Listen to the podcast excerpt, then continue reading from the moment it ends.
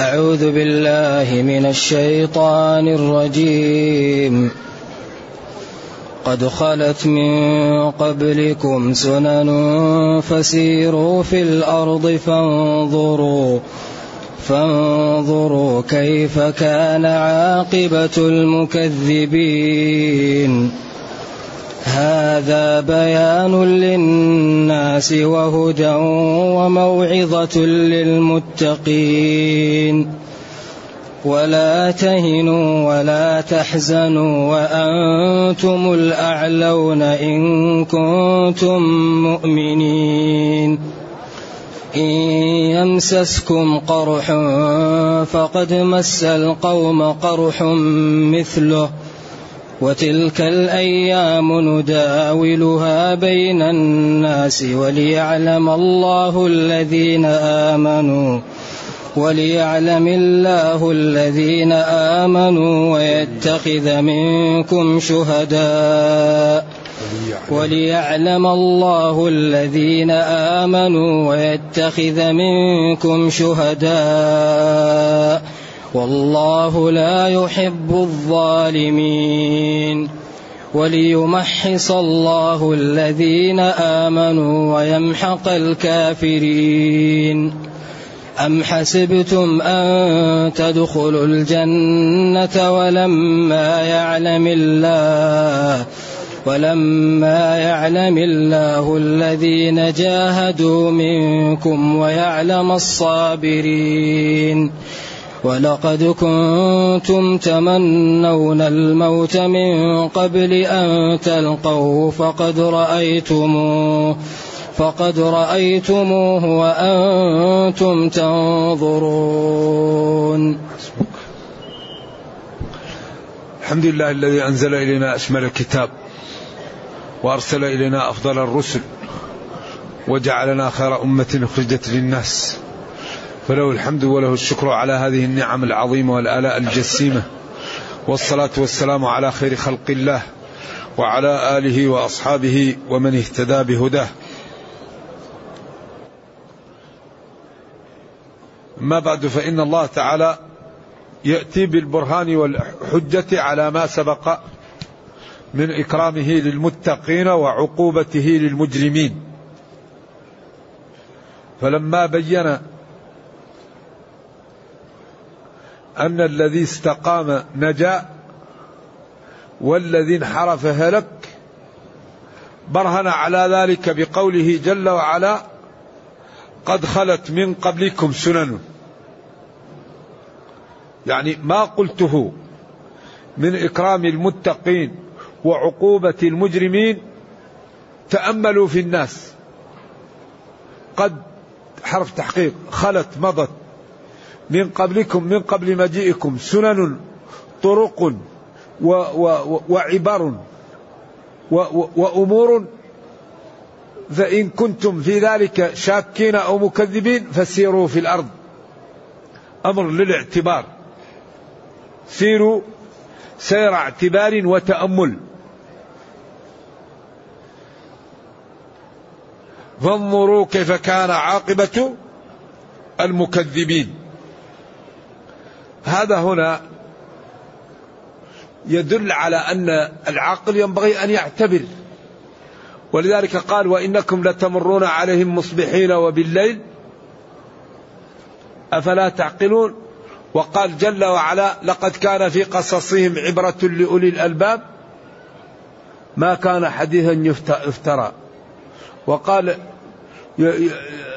يخربون بيوتهم بأيديهم وأيدي المؤمنين. فاعتبروا يا أولي الأبصار. لذلك الذي يعتبر هو العاقل هو الذي يأخذ الحيطة ويعلم أن هذه الحياة وراها حياة أخرى ووراها حساب ووراها جنة ونار. فالذي لا يعتبر ولا ينتبه يعني يندم في وقت لا ينفع الندم. إذا قد مضت من قبلكم سنن جمع سنة والسنة هل هي مصدر أو اسم جامد اشتق منه المصدر؟ يعني أقوال لعلماء اللغة. بعض الأحيان الاسم الجامد يشتق منه المصدر وهذا يكون قليل. والقاموس كأنه يجعل سنة يعني كأنها جامدة لأنه ما يأتي منها بالمضارع ولا بأشياء مما يدل على أن ما قاله بعض العلماء أن السنة هذه اسم اشتق منه المصدر أو فعل اشتق منه المصدر على غير المعهود. مثل تربا لك. يعني بعض الأحيان يجعل المصدر من اسم جامد أحيانا قليل. سيروا هذا أمر للاعتبار. الأمر قد يكون للوجوب وقد يكون للاعتبار. سيروا في الأرض. قال العلماء هذا مدح للتاريخ.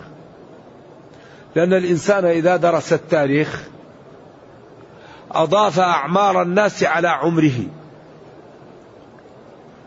وإذا مشى في الأرض فكأنه درس تاريخ هذا المحل.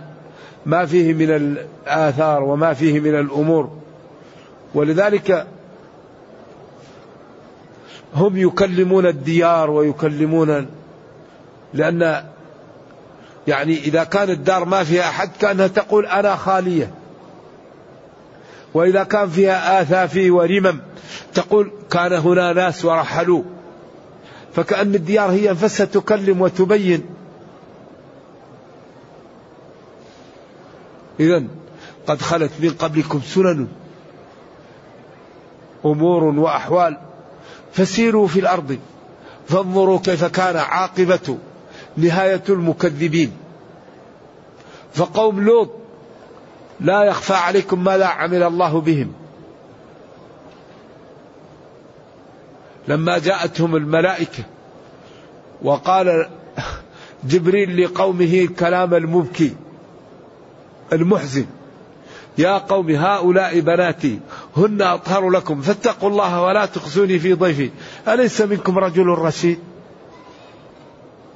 قال العلماء هؤلاء بنات الحي تزوجوهن لكم في الحلال غنية عن الحرام. بعدين هؤلاء ضيوف وهذا فضيحة. وأنا إنسان الله شرفني وكرمني بالرسالة وبالمحترام فضيوفي يعمل فيهم هذا الفعل أما تستحون؟ قالوا لقد علمت ما لنا في بناتك من حق وإنك هنا جاءت نقطة الصفر. لا حيلة له هو أم هي هم أمة ورجل واحد. قال لو أن لي بكم قوة أو آوي يرحم الله لوط كان يأوي إلى ركن شديد لذلك ما كان يدري أن الملائكة رسل. أنهم أن الملائكة هؤلاء الرجال أنهم رسل حتى علمه جبريل. قال له يا لوط إنا رسل ربك. إنا رسل رب لن يصلوا. أبشر. وبعدين أخذ جبريل يده ووضعها على وجوههم فأصبح الوجه مثل الكف. لم يبقى فيه محل العين ولا الأنف ولا الفم. طمسنا أعينهم. أصبح الوجه كالكتلة لا أثر للفم. لا أثر للأنف لا أثر للعين. خلاص مسح يده فأصبح الوجه مثل القفا. ما في كتلة. وحط جناحه تحت القرى ورفعها وقلبها. إذا من هذه حاله ينبغي أن تكون العلاقة معه بما أراد. الذي هذه صفته عصيانه جنون. وقال في سورة الإسراء وآتينا ثمود الناقة مبصرة أي آية واضحة لا لبس فيها. قالوا والله لا نؤمن. نصدقك حتى تخرج لنا من هذه الصخرة ناقة. فقال اللهم أخرج الناقة من الصخرة. فتحركت الصخرة وخرجت الناقة. طيب مجانين. أنتم تروا بأعينك بأعينكم هذا القدرة. كيف بعد ذلك تلعبون؟ كيف بعد؟ ولكن من يضلل الله نعم. يقضى على المرء في أيام محنته حتى يرى حسنا ما ليس بالحسن. وإلا هم رأوا ناقة خرجت من صخرة وأصبحت الناقة يومها تشرب تسقي البلد كله من, من حليبها. لها شرب ولكم شرب. ولا تقربوها ولا تمسوها. لا إله إلا الله. اللهم إنا نعوذ بك من الضلال. يعني هذا ضلال زايد ضلال زايد ضلال حتى وصل القمة من الضلال بحيث مجنون. يا أخي هذه ناقة خرجت من صخرة وهي معجزة لكم. بعدين تلعبوا بها وتذبحوها. بعدين أعوذ بالله ذبحها قدار. أشقى القوم بعدين وفعل بهم الله ما فعل. ولذلك كانوا ينحتون من الجبال. ديار ثمود الآن. انظروا إليها. الجبل يجعل فيه دار. قال الله فارهين فرهين وعليها رسومات كأنها معمولة اليوم. ولكن هذه لا يأتي أحد إلا أن يكونوا باكيا لا تأتوا لديار هؤلاء القوم المعذبين إلا أن تكونوا باكين. مخافة أن يأتيكم ما أتاهم. فإذا أراد شخص أن يذهب إليها يذهب إليها وهو خائف يبكي معتبر مليء من الخشية والخوف. أما يذهب إليها للنزهة والتمشية لا. هؤلاء لا يأتيهم إلا إنسان باكي خائف يعتبر ويعلم أن الله تعالى إذا أراد بقوم سوءا فلا مرد له.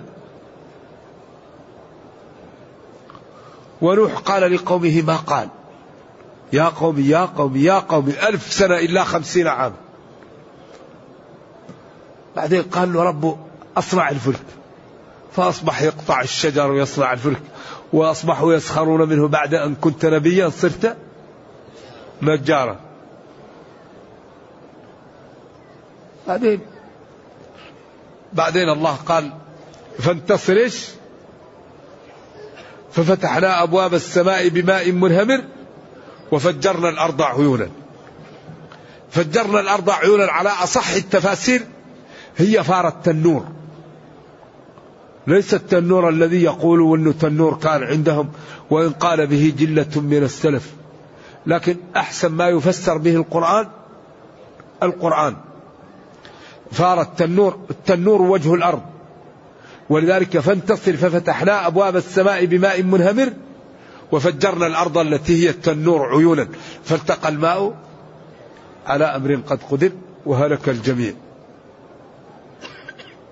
اذا كل هذه الآيات تبين لهؤلاء أن الله تعالى قادر وأن من أطاعه يكرمه وأن من عصاه معرض نفسه للعقوبه والسخط والهلكة. قد خلت مضت من قبلكم مجيئكم سنن طرق وحالة وهيئة فسيروا اذهبوا في الأرض فانظروا بأعينكم أو ببصائركم كيف كانت نهاية المكذبين لشرع الله ولرسله وهذا يكثر في القرآن بشكل عجيب. الله يكثر في القرآن القدرة. ولذلك سورة الرعد هذه آية في بيان قدرة الله وكرمه وعقوبته للمجرمين وإكرامه للمتقين. ألف لام ميم را. تلك آيات الكتاب والذي أنزل إليك من ربك الحق ولكن أكثر الناس لا يؤمنون. الله الذي رفع السماوات بغير عمد ترونها. وألقى في الأرض رواسي أن تمد بكم. إلى أن بين الرعد. قال وإيش؟ بعدين وفي الأرض قطع متجاورات. ثم بين بعد ذلك ماذا؟ وإن تعجب فأعجب قولهم أئذا كنا ترابا. أئنا لفي خلق جديد. أولئك الذين كفروا بربهم وأولئك الأغلال في أعناقهم وأولئك أصحاب النار فيها خالدون ويستعجلونك بالسيئة قبل الحسنة وقد خلت من قبلهم المثلات. وإن ربك لذو مغفرة للناس على ظلمهم وإن ربك لشديد العقاب. بعدين بين قدرته سواء منكم من أسر القول ومن جهر به ومن هو مستخف بالليل وسارب بالنهار. بعدين بين الله يعلم ما تحمل كل أنثى وما تغيض الأرحام وما تزداد وكل شيء عنده بمقدار. ويرسل الصواعق فيصيب بها من يشاء وهم يجادلون في الله وهو شديد المحال له دعوة الحق. بعدين بين والذين يدعون من دونه لا يستجيبون لهم بشيء إلا كباسط كفيه إلى الماء ليبلغ فاه وما هو ببالغه. بعدين بين قل من رب السماوات والأرض؟ قل الله. قل فاتخذتم من دونه أولياء لا يملكون لأنفسهم نفعا ولا ضرا. هذا يكثر في القرآن. قل هل يستوي الأعمى والبصير الكافر والمسلم؟ أهم يستوي الظلمات والنور؟ الكفر والإسلام؟ لا يستوي الكافر ولا المسلم ولا الكفر ولا الإسلام. أم جعلوا لله شركاء خلقوا كخلقه؟ بعدين قال قل الله خالق كل شيء. والله أدلة وبراهين ساطعة قاطعة لا تتركوا للعاقل نفسا. فينبغي لنا أن نتوب إلى الله ونعمل بطاعة الله ونفهم كتاب ربنا ونجتهد ونعلم أن القضية ما هي لعبة القضية مشكلة. هذا الدين صح. والجنة والنار قادمة. وكل نفس ذائقة الموت وقل متاع الدنيا إذا هذا يقال لنا لماذا؟ لنتوب ونعمل لنتوب ونترك المعاصي لنستقيم على دين الله لنكون قدوة في الخير لنترك لديننا ولأمتنا بصمات قبل أن نذهب عن هذا الكوكب أما إذا كان الإنسان يأكل وينام ويلعب ويأكل وينام ويلعب ويأكل وينام ويلعب. بعدين يجر. كيف الصلاة؟ كيف الصوم؟ كيف الزكاة؟ كيف الطهارة؟ كيف التعامل؟ آه ليتني أعود. أولم يعمركم ما يتذكر فيه من تذكر؟ وجاءكم النذير. النذير على أصح التفاسير محمد صلى الله عليه وسلم. وقيل الشيب. والله لا عذر لنا بعد هذا البيان. هذا الكتاب نور فعلا. هذا الذي ذكرته لكم أو هذا القرآن. والخلاف تنوعي. هذا القرآن الذي يتلى عليكم. أو هذا الذي ذكرته لكم من القصص من إهلاك هؤلاء وهؤلاء وهذا في القرآن. فالخلاف هنا تنوع وليس تضاد بيان برهان ووضوح للناس للخلق وهدى رشاد وموعظة عبرة وتخويف للمتقين. أما غير المتقين فالقرآن والأدلة لا تنفعهم. كما أن قدار شاهد خروج الناقة من الصخرة وعقرها. وقال قل هو للذين آمنوا هدى وشفاء. وقال هدى للمتقين. هذا المفهوم بين بقوله والذين لا يؤمنون في آذانهم وقر وهو عليهم عمل. القرآن يهدي من شرح الله صدره للإسلام. أما الذي لم يهده الله يقول ماذا قال آنفا؟ لو نشاء لقلنا مثل هذا. أساطير الأولين أضغاث أحلام بل افتراه بل هو شاعر. هذه بلبلة بل بل بل. طيب بل بل نشاء لقل طيب ما تقول مثله إن كنتم صادقين؟ والله قال فإن لم تفعلوا ولن تفعلوا فاعلموا أن رسولي صادق وأنكم إن كذبتموه دخلتم النار. فاتقوا النار.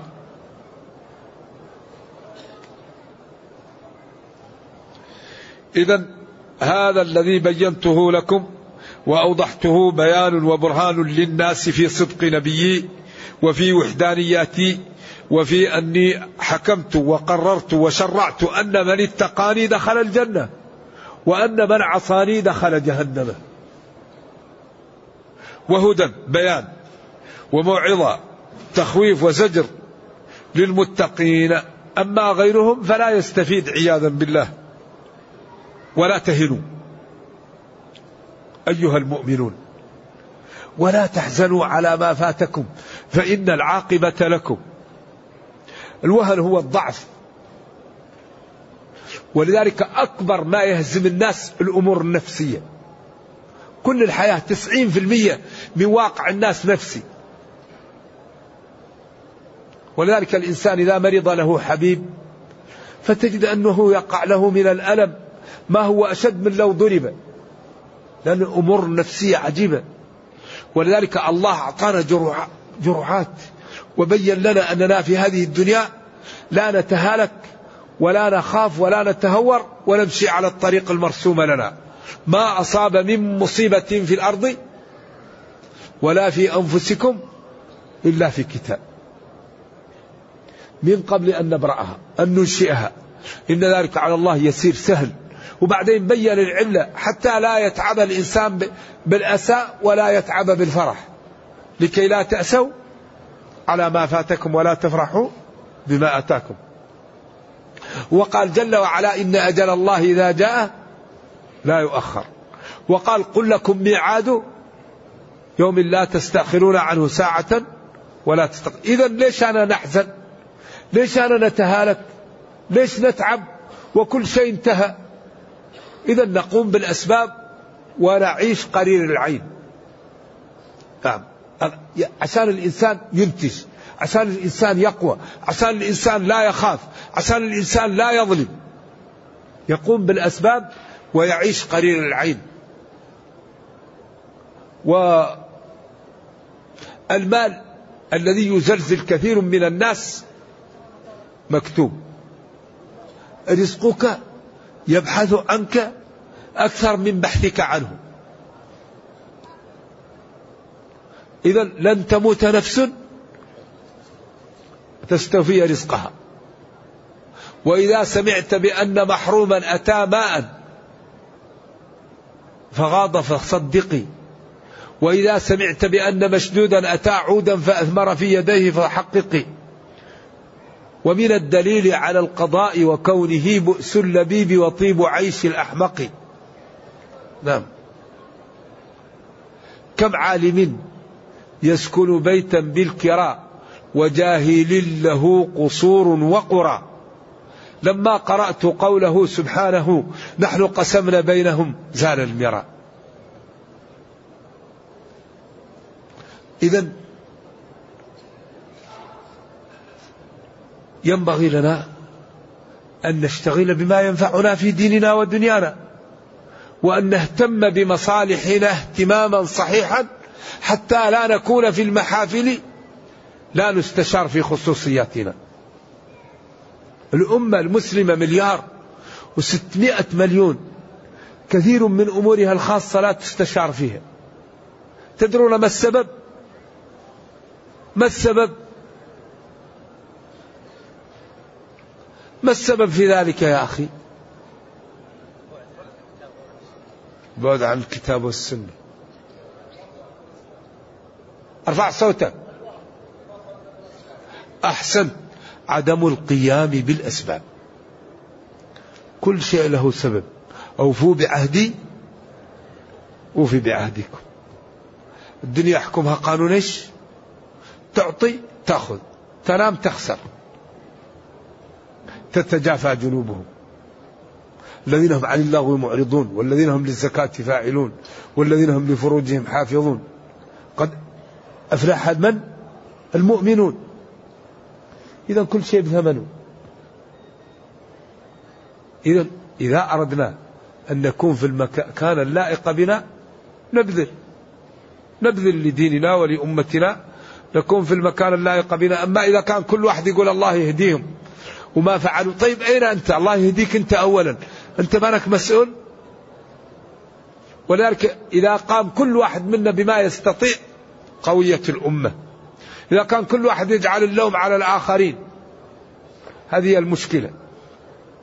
إذا هذا بيان واضح للناس وهدى رشاد وبيان وموعظة عبرة للمتقين. ثم قال ولا تهنوا ولا تحزنوا وأنتم الأعلون إن كنتم مؤمنين. هذا نواهي للأمة. لا تهنوا تضعفوا ولا تحزنوا. على أنكم حصل لكم ما حصل يوم أحد. أنتم الأعلون بماذا؟ بماذا؟ إن كنتم مؤمنين. شوف إن كنتم مؤمنين. إن تنصروا الله ينصركم. كل شيء بشرط. فالأمة إذا استقامت على دينها لا تقاوم. والغلبة للدين إذا استقام المسلمون على الدين. ولذلك كان عمر إذا شيع الجيش أو السرية يقول لهم لا أخاف عليكم إلا الذنوب. الذنوب. العدو لا يهزمكم. لكن الذي يهزم المسلمين إيش؟ الذنوب. وفي كل معركة من أحد إلى الآن لم ينهزم المسلمون في معركة إلا بالمخالفة.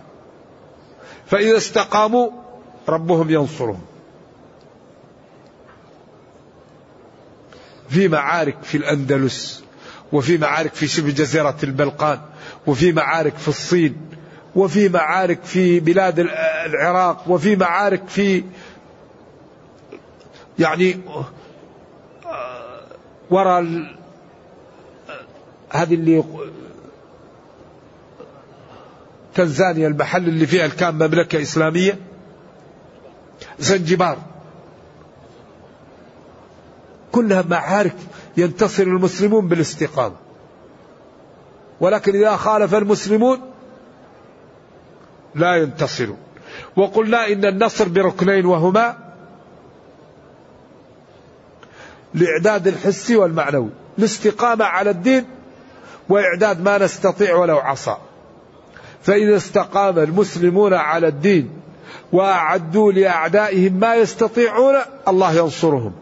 ولو ينزل الملائكة والرياح ويهزمهم كما فعل يوم الأحزاب لأن المسلمون قاموا بالركنين فقاموا بالركن المادي وهو حفر الخندق وقاموا بالركن المعنوي وهو الإيمان والالتجاء إلى الله وقالوا هذا ما وعدنا الله ورسوله وصدق الله ورسوله وما زادهم إلا إيمانا وتسليما.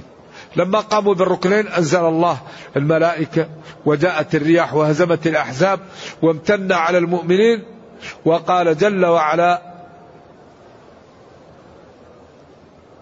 فأرسلنا عليهم ريحا وجنودا لم ترى يا أيها الذين آمنوا اذكروا نعمة الله عليكم إذ جاءتكم جنود فأرسلنا عليهم ريحا وجنودا لم ترها. إذا اللي ينصر بالملائكة والرياح ينبغي أن تكون العلاقة معه على ما أراد.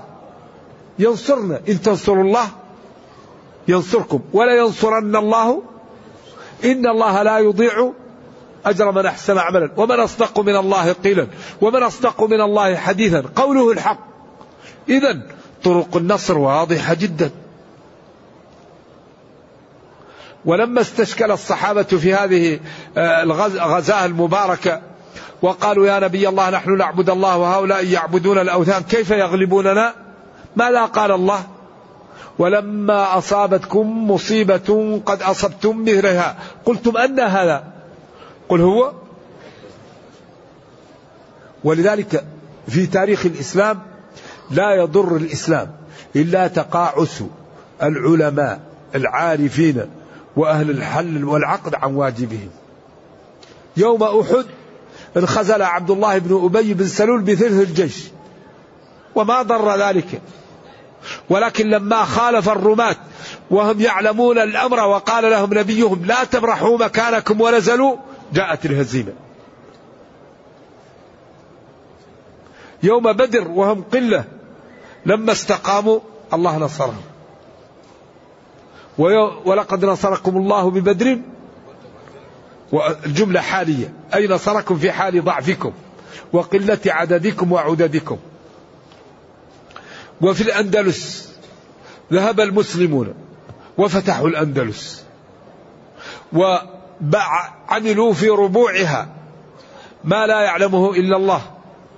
فلما استغلوا ببعض وأصبحوا دويلة كل دويلة على الثانية ويتساعدون على بعض بالكفار خرجوا منها.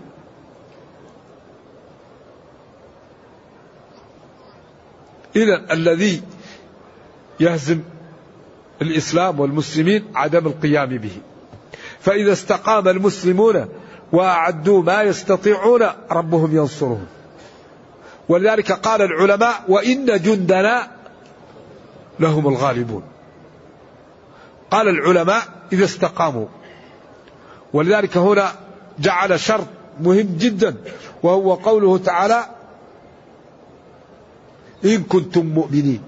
ولا تهنوا ولا تحزنوا وأنتم الأعلون إن كنتم مؤمنين مصدقين وقائمين. ثم بين إن يمسسكم قرح القرح الجرح. فقد مس القوم قرح مثله. قرأ علماء قراء مكة وقراء المدينة وقراء الشام. وقراء البصرة قرح.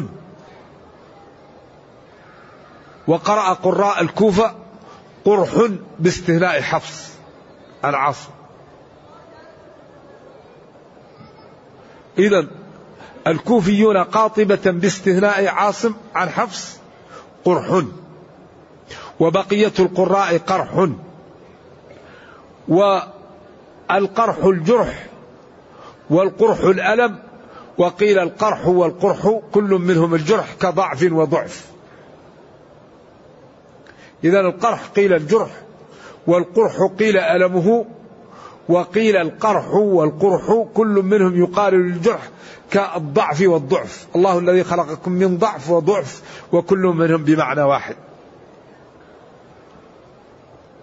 فقد مس القوم أصابهم قرح أو قرح مثله. وهنا وقف مع كبير المفسرين ابن جرير الطبري فهذا إمام الدنيا. قال العلماء لم ترى عين ابن جرير مثل نفسه. وقال ابن حجر في كتابه القيم العجاب كل مفسر ظهر عليه جانب من العلم ظهر في تفسيره. إلا ابن جرير فإنه كان إماما في كل العلوم فتفسيره موسوعة. مليء بالنحو وبالإعراب وبالحديث وباللغة وبالفقه وبالتاريخ. فكل مفسر يظهر عليه جانب. مثلا فابن كثير السنة والقرطبي الفقه وأبو حيان النحو وأبو السعود البلاغة والفخر الرازي علم الكلام والمنطق. وهكذا كل مفسر يظهر عليه علم معين إلا ابن جرير. ولكن مع ذلك فإن له كلاما في القراءات مرجوح لا يقبل. أحيانا يتكلم في القراءات المتواترة كلاما على جلالته وعلمه لا يقبل. والعالم إذا أخطأ في جزئية يكون عالم لكن يخطئ. كما أن الجاهل إذا أخطأ في جزئية يكون جاهل ويصيب في جزئية. إذا ينبغي أن نتعود على أن الخطأ يرد ممن قاله والحق يقبل ممن قال فهذا إمام الدنيا لكن كلامه في أن بعض القراءات المتواترة غير مقبولة غير مقبول. وذلك إما أن القراءات في زمنه لم تأخذ مكانها لأن أول من سبع السبع بن مجاهد وتوفى بعده بعشرين سنة. لأن بن مجاهد توفى سنة 330 وبن جرير 310 فبينهم عشرين سنة فسبعت السبعة أو جاءته عن طريق غير متواتر أو كان له اصطلاح خاص لم يبينه لنا. المهم الذي يظهر لنا أن أقوال أن بعض أقواله في القراءات لا تقبل وهو إمام الدنيا. ولذلك قولة مالك هذه تكتب بماء الذهب. كل كلام فيه مقبول ومردود. إلا صاحب هذا القول. إلا كلام النبي صلى الله عليه وسلم. فالعالم إذا كان عالم هذا لا يمنع من الخطأ. لكن لا تتسرع بتخطيء العالم. لأنك في الغالب إذا أردت تخطئ العالم في النهاية تكون أنت مخطئا لكن أحيانا لا يبلغه الدليل أو يبلغه بطريق غير صحيح. أو تكون عنده قاعدة لم ن... أو عنده دليل آخر نحن لم نفهمه ونحن مكلفون بما وصل إلينا. ولذلك قال إنكم تختصمون إلي ولعل بعضكم أن يكون أي أبصر وأقوى بحجته من بعض. يكون أسلوبه قوي اللحن يعني البلاغة وقوة التعبير. فإذا سمع كلامه ظن أن عنده الحق والحق عند غيره. فكون أنه يبين ويعبر أقوى من غيره فيظن السامع أن عنده الحق هذا لا يجعله حلال له. ولذلك الحقائق يوم القيامة. نحن الآن لأن الأمور لا تنضبط نبنيها بالظهر الشدود ذوي عدل منكم. وإن قيل لكم ارجعوا فارجعوا. فإن لم يأتوا بالشهداء فأولئك عند الله هم الكاذبون. لكن يوم القيامة لا يقبل إلا الحق. ولذلك أول من يرسب أهل القمم الذين ما صدقوا. أول من من يعاقب ومن يكون عياذا بالله نكال لغيره القمم التي لم تصدق. العالم والشهيد والمنفق. أول من تسعر بهم النار. أيوة لأنهم ما صدقوا. لذلك لا ينجي إلا الصدق. ما ينجيك إلا الصدق. ما فيه. لأن الله لا يقبل إلا الحق. فلذلك ينبغي الواحد أن يصدق ويتوب ويعمل بجد ويعلم أن الله لا تخفى عليه خافية ومن كان عبدا لله حماه إن عبادي ليس لك عليهم سلطان. من عادى لي وليا. فينبغي لكل واحد منا أن يجتهد حتى يكون من أولياء الله. وتلك الأيام نداولها بين الناس. هكذا الحياة. يوم هذا عنده القوة بكرة ما عنده قوة. يوم لك نصر بكرة هزيمة دولة. ولذلك إذا أحببت فأحبب هونا ما وإذا كرهت فالأمور لا تدري يمكن الكراهة تنقلب محبة. فالأمور كلها بالتوسط نداولها بين الناس. إذا أنتم أصبتم منهم يوم بدر وهزمتموهم ولكن هم هزموكم يوم أحد. وليعلم الله علما تقوم به الحجة ويعاقب ويثاب عليه. أما الله يعلم ما لم يكن لو كان كيف يكون. وليعلم الله أن يظهر في المشاهدة حتى يعطى لهذا الأجر ويعطى لهذا العقوبة. وليعلم الله الذين آمنوا منكم علما تقوم به الحجة ويعاقب ويحاسب عليه. ويتخذ منكم شهداء. يعني يجعل منكم شهداء ينتصرون أو ينالون الشهادة ولا يوجد شيء في الدنيا مثل الشهادة. ولكن الشهادة كما قال النبي صلى الله عليه وسلم من قاتل لتكون كلمة الله هي العليا. فهنا هذا المكان لازم الإنسان يعني يجتهد حتى يكون عمله لله لأن هذه منقبة عظيمة ورفعة وعزة ومكانة ويكترفها من الشوائب ما يصعب الإخلاص فيه فالإنسان ينتبه. ولذلك الرجل يقاتل حمية الرجل يقاتل ليرى مكانه الرجل يقاتل للمغنم قال من قاتل لتكون كلمة الله هي العليا. قال قزمان في النار ومخيريق لم يصلي. مخيريق اليهودي ما صلى.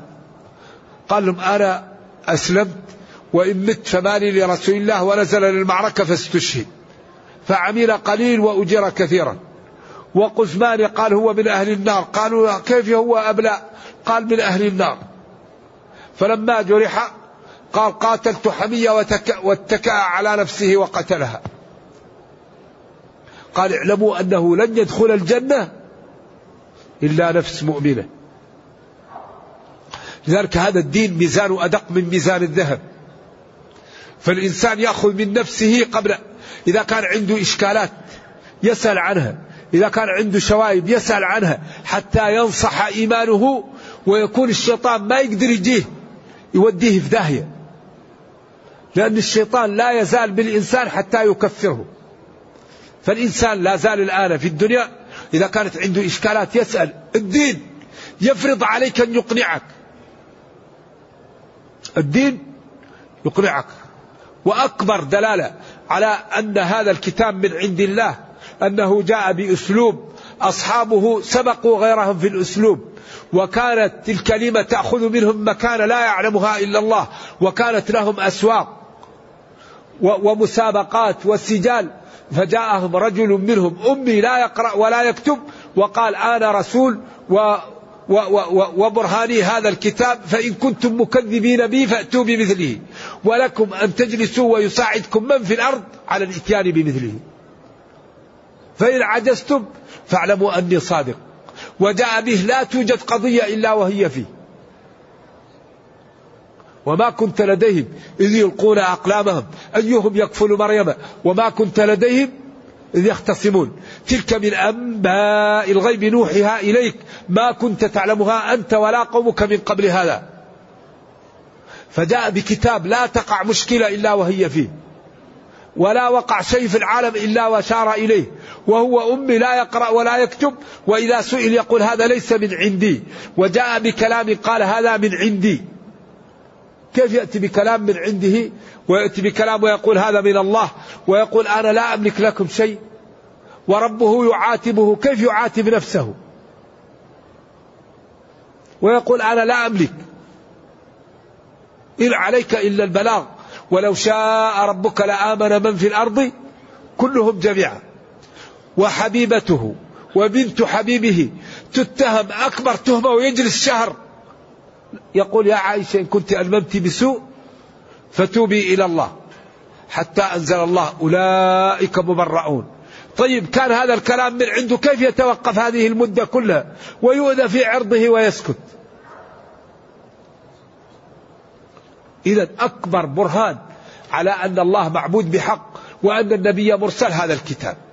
هذا الكتاب معجزة خالدة إلى قيام الساعة. إذا الواحد لا يترك له مدخل للشيطان يشككه ويضلله حتى يموت وهو على غير إيمان راسخ فيهلك. أي إنسان عنده إشكال يذهب ويسأل عنه والقرآن يضمن لك أن يجيبك. تبيانا لكل شيء. والله لا تنزل بالمسلمين نازلة إلا وكان في هذا الكتاب السبيل إلى حلها. إذا نحن لا يمكن أن نقاوم إلا بماذا نقاوم؟ من يذكر؟ نقاوم ما هي نقاوم؟ نقاوم. ما الذي يغلبنا به أعداؤنا؟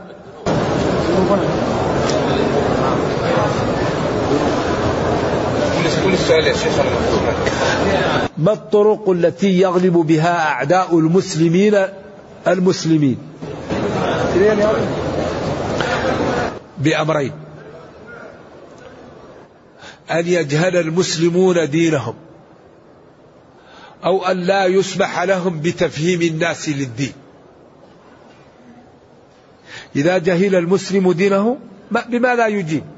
من جهل شيئا؟ عاده أو قيل للمسلم اسكت لا تبين لا تتكلم. فإذا فهم المسلم دينه وسمح له لا يقاوم. ذلك كل قضية محلولة في الإسلام. ومنابع منابع الضلال الله بينها ونهى عنها ونابع الخير الله بينها وأمر بها.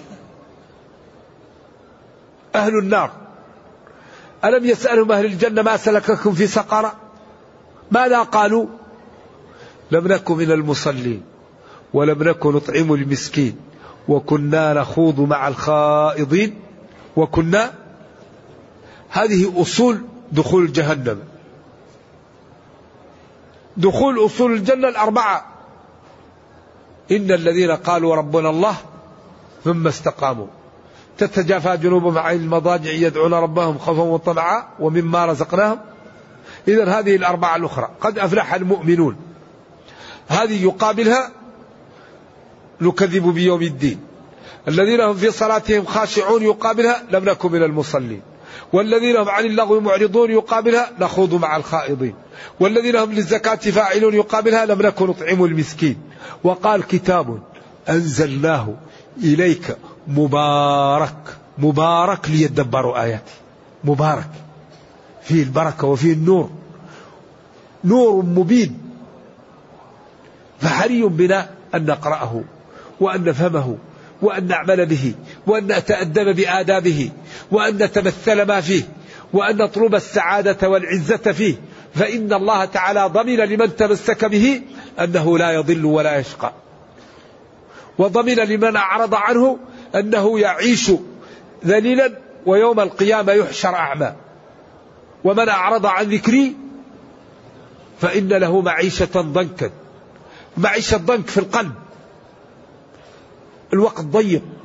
والنوم ضيق والبيت ضيق والسيارة ضيقة والشارع ضيق والقلب ضيق. عياذا بالله. لذلك الذي يعرف قيمة هذا الدين وطهره يعاشر الكفار. الذي يعرف جمال هذا الدين يعيش مع الكفار أشهر. يرى كيف هذه الحياة يرى كيف الشقاء كيف الألم كيف العذاب. الواحد ما له شيء يرجع إليه. والروح فيها جوع ولا تستفيد إلا بالتعلق بالله. لأن الله خلقها ومن طبعها يعني فيها فقر لعبادة الله. فإذا عبد العبد ربه انشرح. لأن في فقر لعبادة الله. لذلك غير المسلم حياته شقاء. لذلك الحقيقة هذا الدين نعمة من الله. نشكر الله على أن جعلنا من المسلمين. وأن رزقنا الاستقامة. هذه أكبر نعمة. هؤلاء الكفار أوضاعهم صعبة الواحد إذا انجرح يخور خوار الثور ما له شيء يأوي إليه. إذا جاءت الطائرة في, في, في, في غمامة أو جاءت في مطبات يصرخون صراخ أما المسلم خلاص يقرأ سورة الإخلاص وهذا ماذا؟ يلتجئ إلى الله. لذلك ولتجدنهم أحرص الناس على حياة. أما المسلم فالدنيا سجن له. لذلك هذه المعاني سامية الحقيقة في هذا الدين. ولكن المشكلة أن يكون مليار وستمائة مليون. يعني كثير من أموره لا يستشار فيها هذه مشكلة هذه. لا بد للأمة أن تستيقظ. ولا بد لها أن تهتم بالعلم وبالعقول وبالبرامج وبالاستشارة وبالمصانع حتى تكون في المكانة اللائقة بها. أكبر مشكلة تعيشها الأمة الزهد في العقول. أكبر مشكلة الزهد في العقول. لأن أمة تزهد في العقول كيف تكون قوية؟ أكبر شيء يقوي الأمة العقول. لذلك لا بد أن يبذل في العقول من غير حساب. تقوى الأمة وتنضج. أما إذا كان العقول يزهد فيها إيش؟ تنحدر ولذلك هل يستوي الذين يعلمون والذين لا يعلمون؟ كل شيء في الدنيا يقوى بالعلم. العقل يقوى بالعلم. الاقتصاد يقوى بالعلم. الأمان يقصد بالعلم. التحابب يقوى بالعلم. الإدارة تقوى بالعلم. المصانع تقوى بالعلم الزراعة تقوى بالعلم. كل شيء في الدنيا يقوى بالعلم. وكل شيء يضعف بالجهل. الجهل يضعف العقل يضعف الإيمان يضعف الاقتصاد يضعف الإدارة يضعف العلاقات يسبب العقول يسبب الفتن يسبب الكراهية. لأن الإنسان إذا علم أنه لا يمكن أن يتعايش مع الآخرين إلا بالتنازل تنازل من أول وهلة وجاءت المحبة. إذا كان الإنسان يجهل أنه لا يمكن أن يأخذ حقه كاملا جاءت النفرة وتضارب الناس. كل شيء يقوى بالعلم. إذا ينبغي أن نبني حياتنا على العلم. نتكلم بعلم ونسكت بعلم ونقبل بعلم ونرفض بعلم. فإذا بنينا الحياة على العلم أصبحت حياتنا لها طعم ولها نور ولها نضج ولها نفع ولها استقامة ولها إقناع للآخرين. لا بد أن نبني حياتنا على العلم. أي شيء نعمله؟ ولذلك الله دعا إلى العلم. قال فاسألوا أهل الذكر. إن كنت تسأل عن الفقه أسأل الفقهاء. إن كنت تسأل عن النحو اسأل النحو. إن كنت تسأل عن الطب اسأل الأطباء. إن كنت تسأل عن الهندسة اسأل المهندسين. إن كنت تسأل عن الحساب اسأل الحاسوبيين. فاسألوا أهل الذكر. أهل الذكر في هذا العلم إن كنتم لا تعلمون. ابن عباس قيل له بما عرفت العلم؟ قال بقلب عقول ولسان سؤول. قال هل لا سألوا إنما شفاء العي السؤال هذا دين عملاق الإسلام. ولكن حري بأهله أن يأخذوه بقوة وأن يظهروه للناس وأن لا يكون المسلم يستحي أنه مسلم. المسلم يتظاهر بالفسوق ويتجمل بالفسوق. مسلم الله أنزل عليه القرآن وحفظه هذا الكتاب وأنزل إليه هذا النبي وجعله من هذه الأمة ويتجمل بالفسوق يتجمل بمعصية الله. إنا لله وإنا إليه راجعون. والله شيء يحزن المسلم يتجمل بالطاعة يتجمل بالاستقامة يتجمل بالصدق يتجمل بمؤاساة بأن يكرم الضعاف يبر بوالديه يكرم جيرانه يعالج المرضى يصلح ذات البين. أما المسلم يتجمل بالفسوق. والله لما أرى مسلما يتظاهر بالفسوق ويتجمل بالفسوق أن الإنسان يتألم ألم لا يعلمه إلا الله. كيف مسلم يتجمل بالفسوق؟ كيف يتظرف بالفسوق؟ ولذلك الذي يريد هذا يمنع نفسه من الموت. كل نفس ذائقة الموت. الذي يريد أن يتجمل بالفسوق يقول أنا لا أموت. أنا لا أمرض. أنا ضد المرض وضد الموت. خلاص يتجمل بالفسوق والمعاصي. ما دام الإنسان سيوضع في قبر حفرة وترد عليه. طيب ويرجع المال والأهل. بعدين إيش يكون؟ ولذا نبادر. نبادر. قبل أن يفوت الأوان. نبادر. نبادر ولا يهمك في الناس. الناس لا تنفعك. الناس لا تمنع عنك. الذي ينفعك ويضرك ربك. هو الذي يعز ويذل ويعطي ويمنع. فينبغي أن أن يكون العلاقة بالله. قل اللهم مالك الملك. تؤتي الملك من تشاء.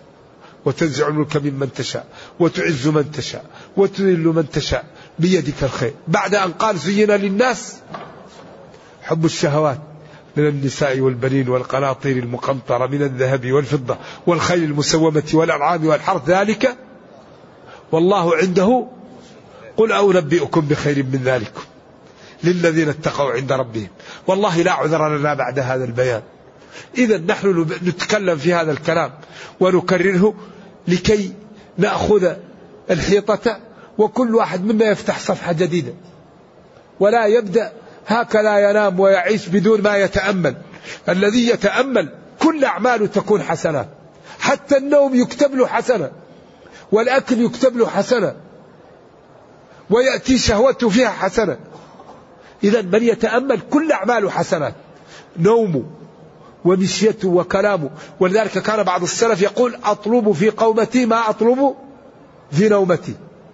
أنا أطلب الأجر في النوم وأطلب الأجر في قيام الليل. لأني إذا لم أنام لا يمكن أن نعيش. فإذا أراد أن ننام يقول الدعاء المعهود وينوي أنه ينام ليتقوى على طاعة الله. فيكتب له الأجر في النوم.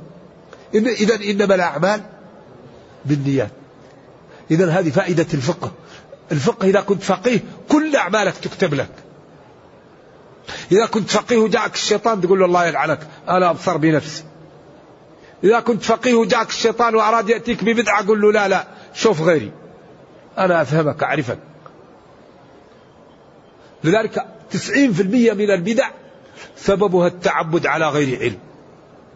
أغلب ما يأتي بالبدع الإنسان يعبد الله على غير علم يأتيه الشيطان ويقول له أنا الله صلي بعد العصر 12 ركعة في بيتك. يقول يا أخي أنا جاني الله وقال لي نصلي 12 ركعة في بيتي.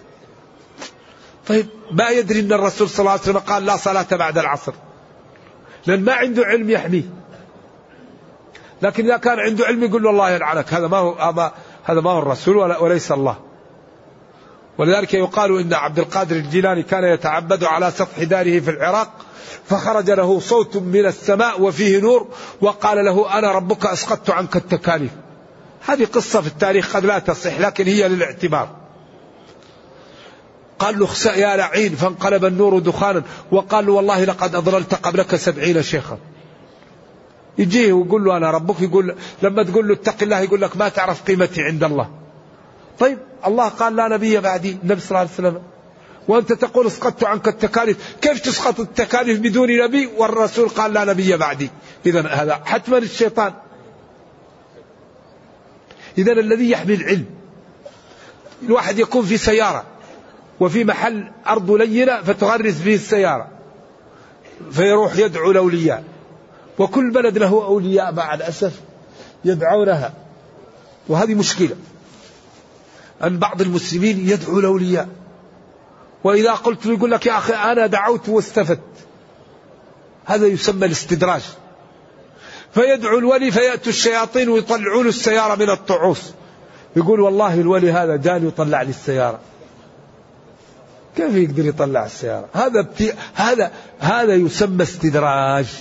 إذا رأيت رجلا يطير وفوق ماء البحر قد يسير ولم يقف عند حدود الشرع فإنه مستدرج أو بدعي.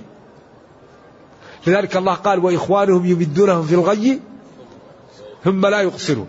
قد الواحد يدعو غير الله ويأتوه الشياطين برزمة من الفلوس ويحطها تحت المخدة. يقول له أنا جبت لك هذا استعين به. شياطين الإنس والجن يوحي بعضهم زخرف القول غران إذا الذي يحميه هو العلم. وقريش جاهم الشيطان. وقال لهم سلوا محمدا عن الشاة تصبح ميتة. من الذي قتلها؟ قال لهم الله قتلها. قال ما ذبحه الله تقولون حرام. وما ذبحتموه أنتم تقولون حلال. أنتم أحسن من الله. فأنزل الله ولا تأكلوا مما لم يذكر اسم الله عليه وإن زعموا أن هذا بيحة الله.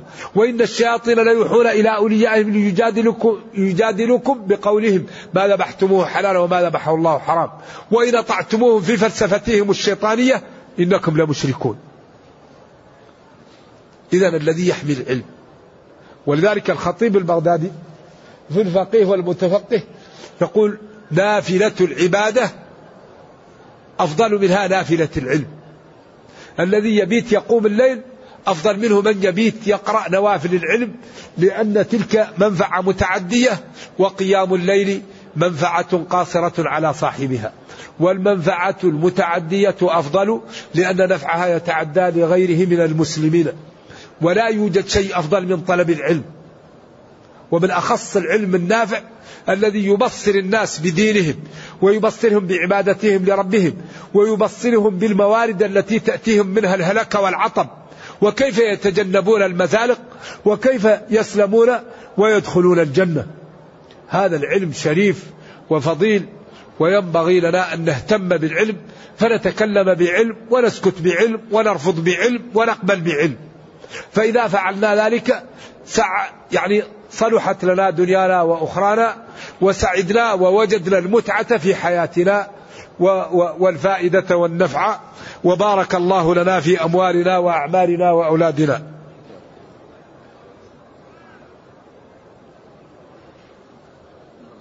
والله لا يحب الظالمين.